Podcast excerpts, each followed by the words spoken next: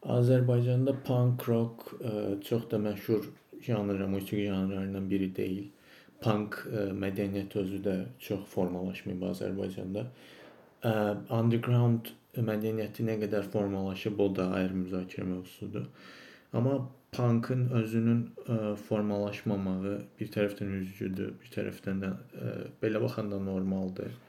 Ə, doğrudan da mədəniyyətlərin qovuşduğu bir yerdə Azərbaycan belə baxanda. Amma yəni ə, hər şeydən yarım qalmış bir ölkədir. Bütün yəni hər şey biraz yaşamış, amma heç nəyi başa vura bilməmiş bir yerdə yaşayırıq. Azərbaycanda punk qrupları təbii ki olub, yəni zaman-zaman yaranmışdı. Mənim ilk eşitdiyim punk qrupu Sad Clowns idi deyəsən. Deyəsən yox elə onlar idi. Yəni o, o ki Azərbaycanda punk mümkündür. Yəni bizdə belə insanlar var. Yəni Azərbaycan ilə deyildi onlar punkı. Təbii Azərbaycanda heç bir mahnıları yoxdur. Fəaliyyətləri də çox uzun çəkməyib normal olaraq. Yəni çünki e, belə bir yerdə bir şeyin sizə e, yəni işte yaşamalısınız hər şeydən əvvəl. Yaşamaq üçün də əlavə e, bu qədər vaxt taparan bir hobbiyə vaxtınız qalmır. Ona görə də yəni başa düşürəm onların fəaliyyətini bu qədər az çəkdiyini.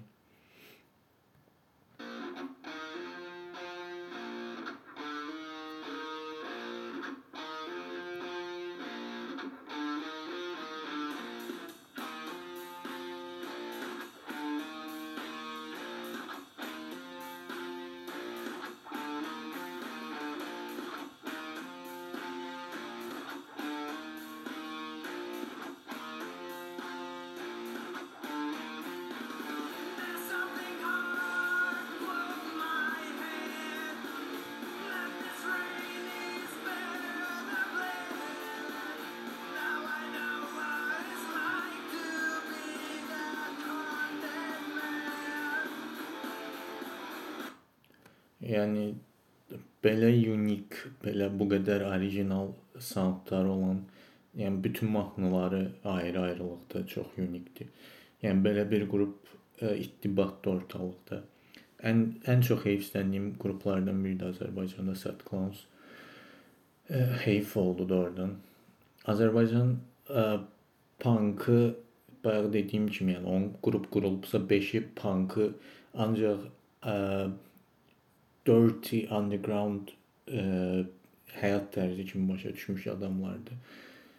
Yəni bir tərəfdən şey deyil, yəni musiqidir, e, culture-dır. Bu limitlənən bir şey deyil təbii ki. Kim necə istəyirsə elə eləyə bilər. Kim necə istəyirsə elə başa düşə bilər. Amma yəni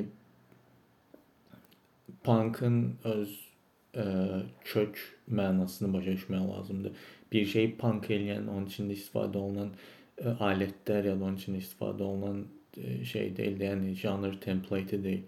Bir şeyi ə, e, punk el. Çünki punk mədəniyyətin, yəni bir culture-ın musiqi janrıdır. Yəni içində ə, öz mədəniyyətinin essential, vacib olan predmetlərini daşımalıdır. Etiraz ya bir dərdi bildirməlidir. Çünki buna görə yaranıb bu.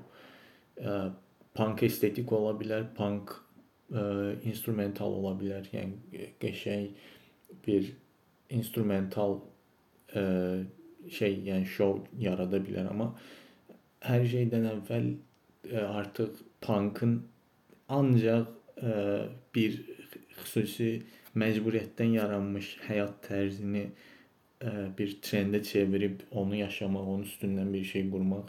Punk ancaq söyüş, violent, şiddət, o qırıb dağıtmaq, içmək, çəkmək ə, kimi ə, göstərmək səhvdir.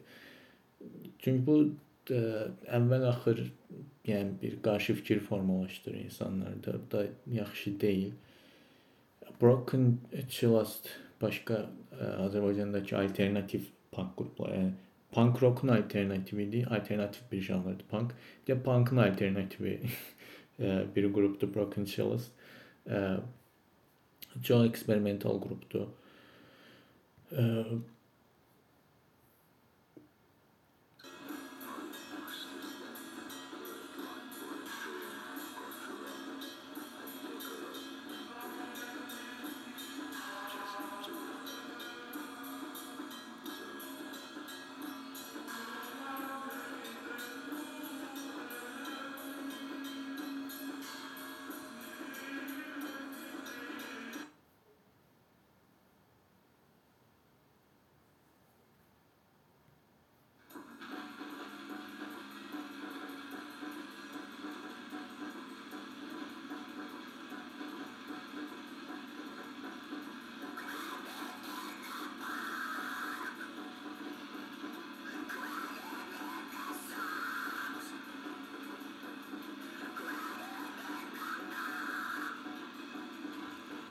Yəni ə, e, essential əsas 3-4 kortluq punk formalaşmamış ölkədə təməli qoyulmamış alternativin alternativi subjanrın subjanrı ə, belə qruplar yaranmışdı. Azərbaycana görə deyirəm qəribə yerdir.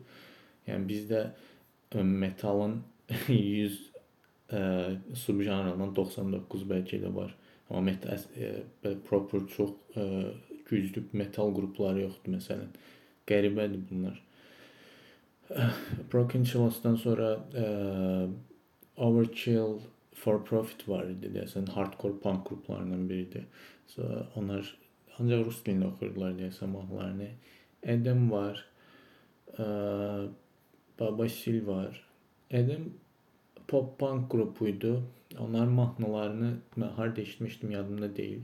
Tapa biləcəyim onu da bilmirəm. Tapa bilməyəcəm böyük ehtimalla. Overkill for Profit ama tapa bilərik. Overkill for Profit.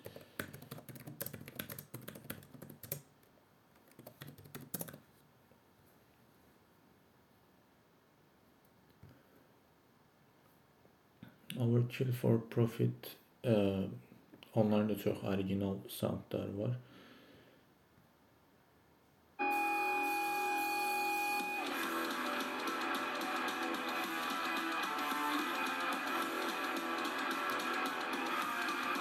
Original sound deyəndə bəzi adamlar başa düşmə bilər. Yəni eyni şeydir də bütün punk, hardcore punklar bir-birinə oxşuyur ya da bütün pop punklar bir-birinə oxşuyur. Eyni biraz fərqli ritmlər üstündə qurulub, amma yox, yəni ə, dəhşət incə ə, fərqlərlə dəhşət fərqli şeylər çıxa bilər punk, ə, yəni sürətli rock elə bir şeydir. Ona görə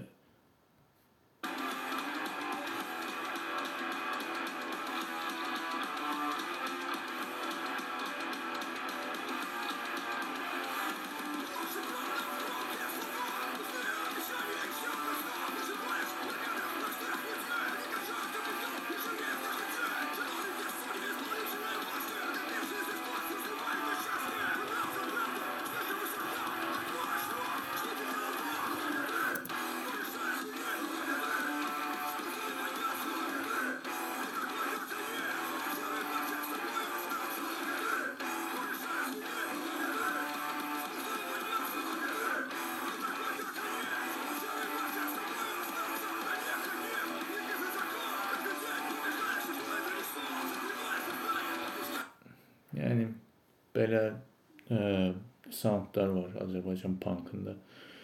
Yəni Azərbaycanda punk üçün punk üçün ə, şərait yox idi təbii ki. Yəni Sad Clowns kimi qrup 3-4 il dözə bildi.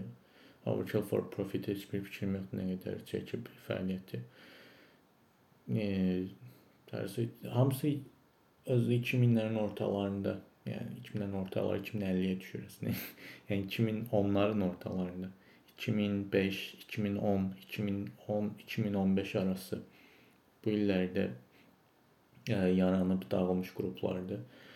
E, fəaliyyət göstərən punk grubu, biraz da bilinen punk grubu, sanatları biraz daha post-punk olsa da, yani sözün düzü e,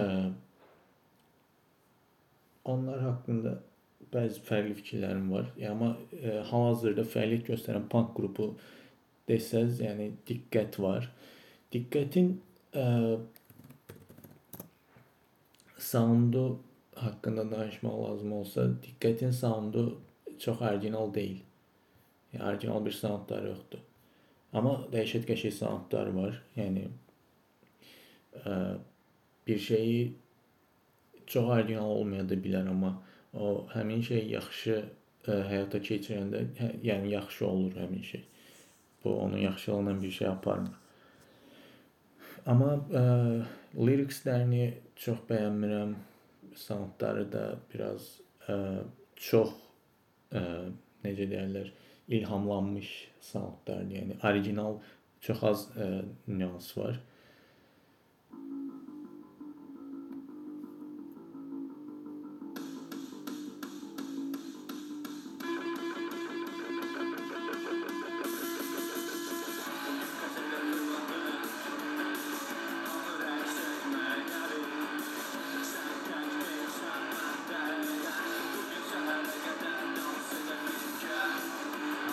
Yəni ə, janr üstünə qurulmuş bir ə, fəlsəfələr var belə baxanda məncə. Ə, çünki punk qrupu kimi yaranıb ə, punk qruplarından, keçmiş klassik punk qruplarından Ramones ə, və s. daha sonra post-punk ə, xoşlarına gəlib Joy Division-a qulaq asıblar. Joy Division-dan ilhamlanıb. Çox ilhamlanmaq bəzi yerlərdə yaxşı deyil. Hiss olunur çünki. Amma yəni Azərbaycan punkına diqqətli olduğuna görə sevinirəm. Çünki bir rəngdir və yaxşıdırlar yəni.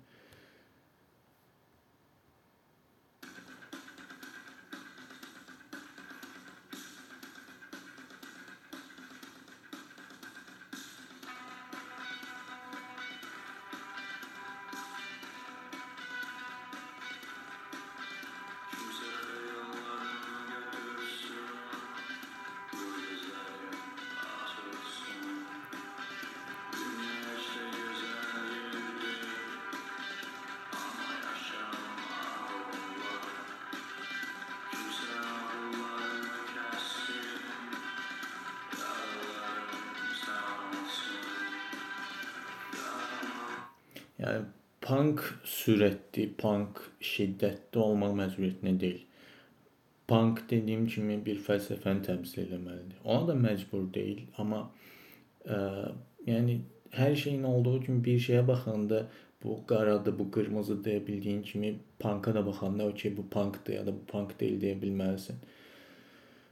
Ə, yəni diqqət də belə bir qrupudur. Ə, Black Peace Dove var. Azərbaycan punkında 6 nəfərin tanıdığı, 6 1 2 3 nəfərin tanıdığı bir qrupdur. Yəni onlar da o qədər də yaxşı deyil. Amma bir şeydilər, bir yəni durublar.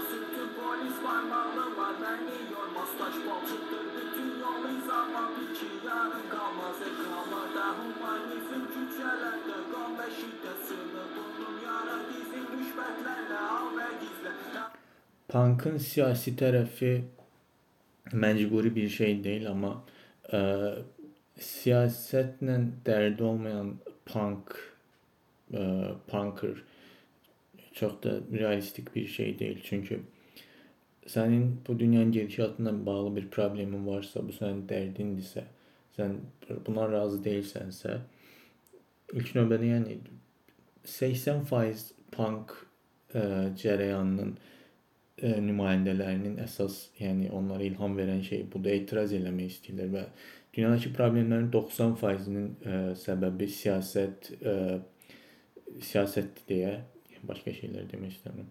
Siyasətdir deyə, ə, yəni bir duruşun olmalıdır, bir tərəfin olmalıdır, məcbursan buna. Ona görə yox, ə, mən ə, siyasətə qarışmıram ya da mənim bir tərəfim yoxdur kim necə istəyir ola bilər, dünyanın gedişatı bu kimi liberal sözlər danışan bir punker görsəz, ə, oradan uzaqlaşın.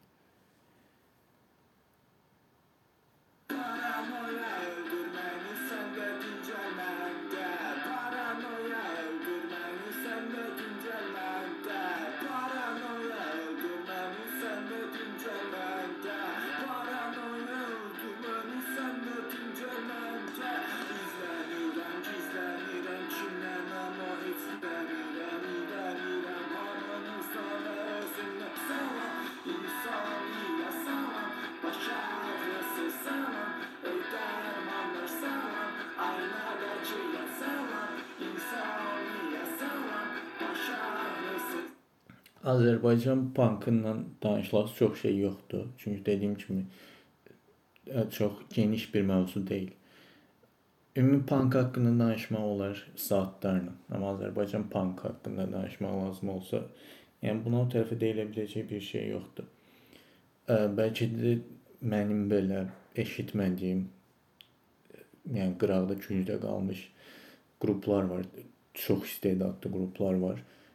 Yəni Azərbaycan onların da kəşf olmaq üçün ə, şərait olmayan bir yerdir. Nə bizim körpü altında konsert verəcək yerimiz yoxdur. Nə alətlər o qədər ucuz deyil. Ən böyük problem budur əslində. Alət ə, musiqi alətləri dəhşət bahadır. Bir gitara, yəni punk, yəni elektrik gitarası ə, amfisiz mümkün deyil işləmək. Yəni gitaranı alsan amfi ala bilmirsən, amfini alsan gitaranı ala bilmirsən və bir dərdi olan kəsimin də uşaqların da ə, bu qədər pulu olmur. Ona görə bəziləri üçün üsyan evdə başlayır, evdə də başa çatır. E, yəni qəribə bir yerdəyik. E, heç belə.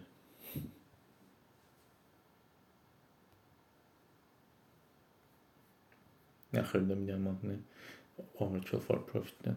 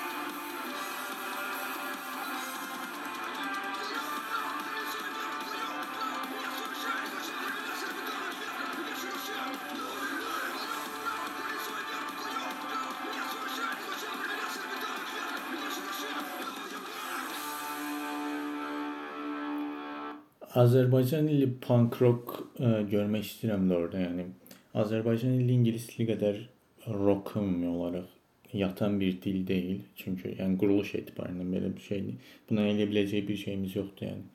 Amma ə, e, yuxu bacardı, yəni ən üst səviyyədə bacaranı nəzərdə tuturam. Yəni yuxubun bacardı. Azərbaycan dilini ə, e, rockun içində ən mükəmməl vəziyyətdə işlətdi. Punk üçün də 100% mümkündür bu. Ə, yəni bunun mümkün olduğunu göstərə biləcək insanlar görmək istəyirəm. Ə, alətlərin daha ucuz olmağını istəyirəm. Hamının, yəni içində alov yanan, hamının istədiyi bir şey reallaşdırmağını istəyirəm. Hamı nəsə desin, yəni hamı bir şey yaratsın. Yəni vacib olan budur. Yəni Amerikadan ya da İngiltərədən ya da başqa bir yerdən daha çox adam çıxmır. Onların daha çox imkanı var prosta. Yəni mümkün deyil Azərbaycanda e, bir fikir, bir etiraz olmayan bunu punkla dilə gətirmək istəmirəm. Punk olmaq vacib də deyil. Milyon dənə subjanr var. Milyon dənə underground culture var. Hmm, yəni